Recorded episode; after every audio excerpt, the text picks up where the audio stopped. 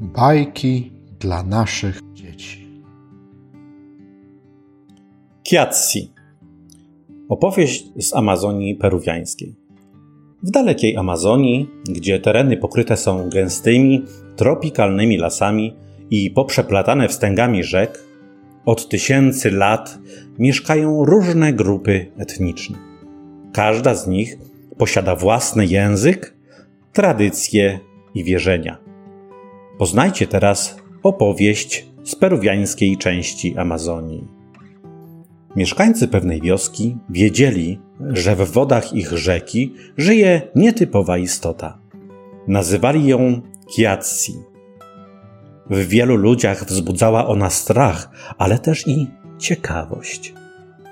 Mówiono, że razem ze swoimi córkami mieszka w głębinach wód. Czasem jednak wychodzi na brzeg i zbiera ryby wyrzucane przez fale na brzeg lub pozostawiane przez rybaków. Pewnego razu młody rybak o imieniu Kutumi wypłynął na środek rzeki, żeby złowić trochę ryb dla swojej rodziny. Nagle poczuł ogromne wstrząsy pod swoją łodzią. Woda pod nią była bardzo wzburzona. Nie wiedział, że to Kiacji. Chce go pochwycić swoimi długimi wąsami. Widząc to, jedna z jego córek wstawiła się za rybakiem. Ojcze, zostaw go w spokoju. On ma rodzinę i musi ją nakarmić. Dobrze, odpuszczę mu.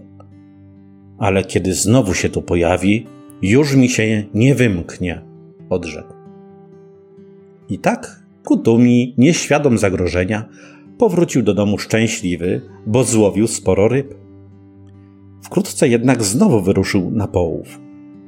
Nie umknęło to uwadze Kiatsiego. Tym razem stwór rozzłościł się nie na żarty. Wysunął swoje długie wąsy i oplatał nimi nogi mężczyzny. Rybak, myśląc, że wpadł w wir rzeczny, mocno się wystraszył.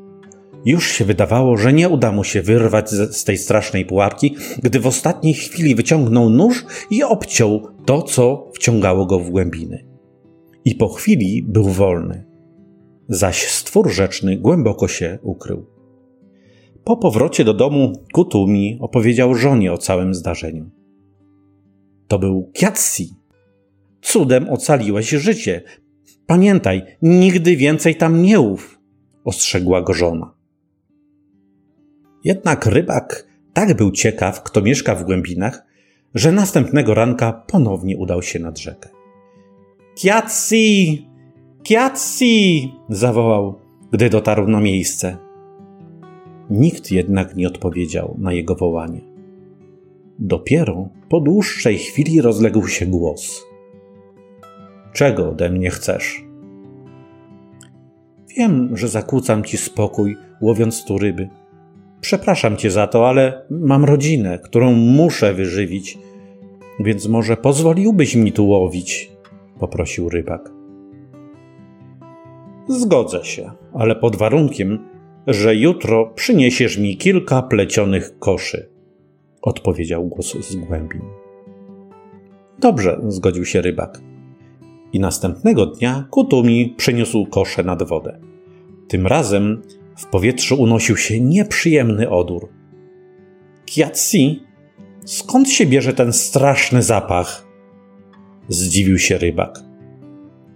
To przez was, ludzi. Wyrzucacie nadmiar tego, co natura daje wam do jedzenia, a ja muszę po was sprzątać, rzekł Kiatsi. Mogę ci w tym pomóc, zaproponował Kutumi.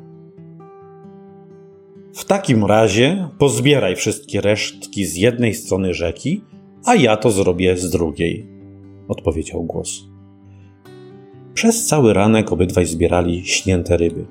Kutumi nie tylko się zmęczył, ale też trudno było mu oddychać, bo zapach zepsutych ryb był nie do zniesienia.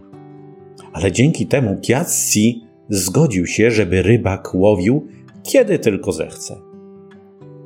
Kutumi musiał jeszcze porozmawiać z mieszkańcami swej wioski, by łowili tylko tyle ryb, ile naprawdę potrzebują, by bardziej dbali o swoje otoczenie. W taki oto sposób Kutumi uchronił się przed złością Kiaciego, a mieszkańcy wioski nauczyli się, że żywności nie można marnować, bo wszystko, co otrzymujemy, jest darem, który należy szanować.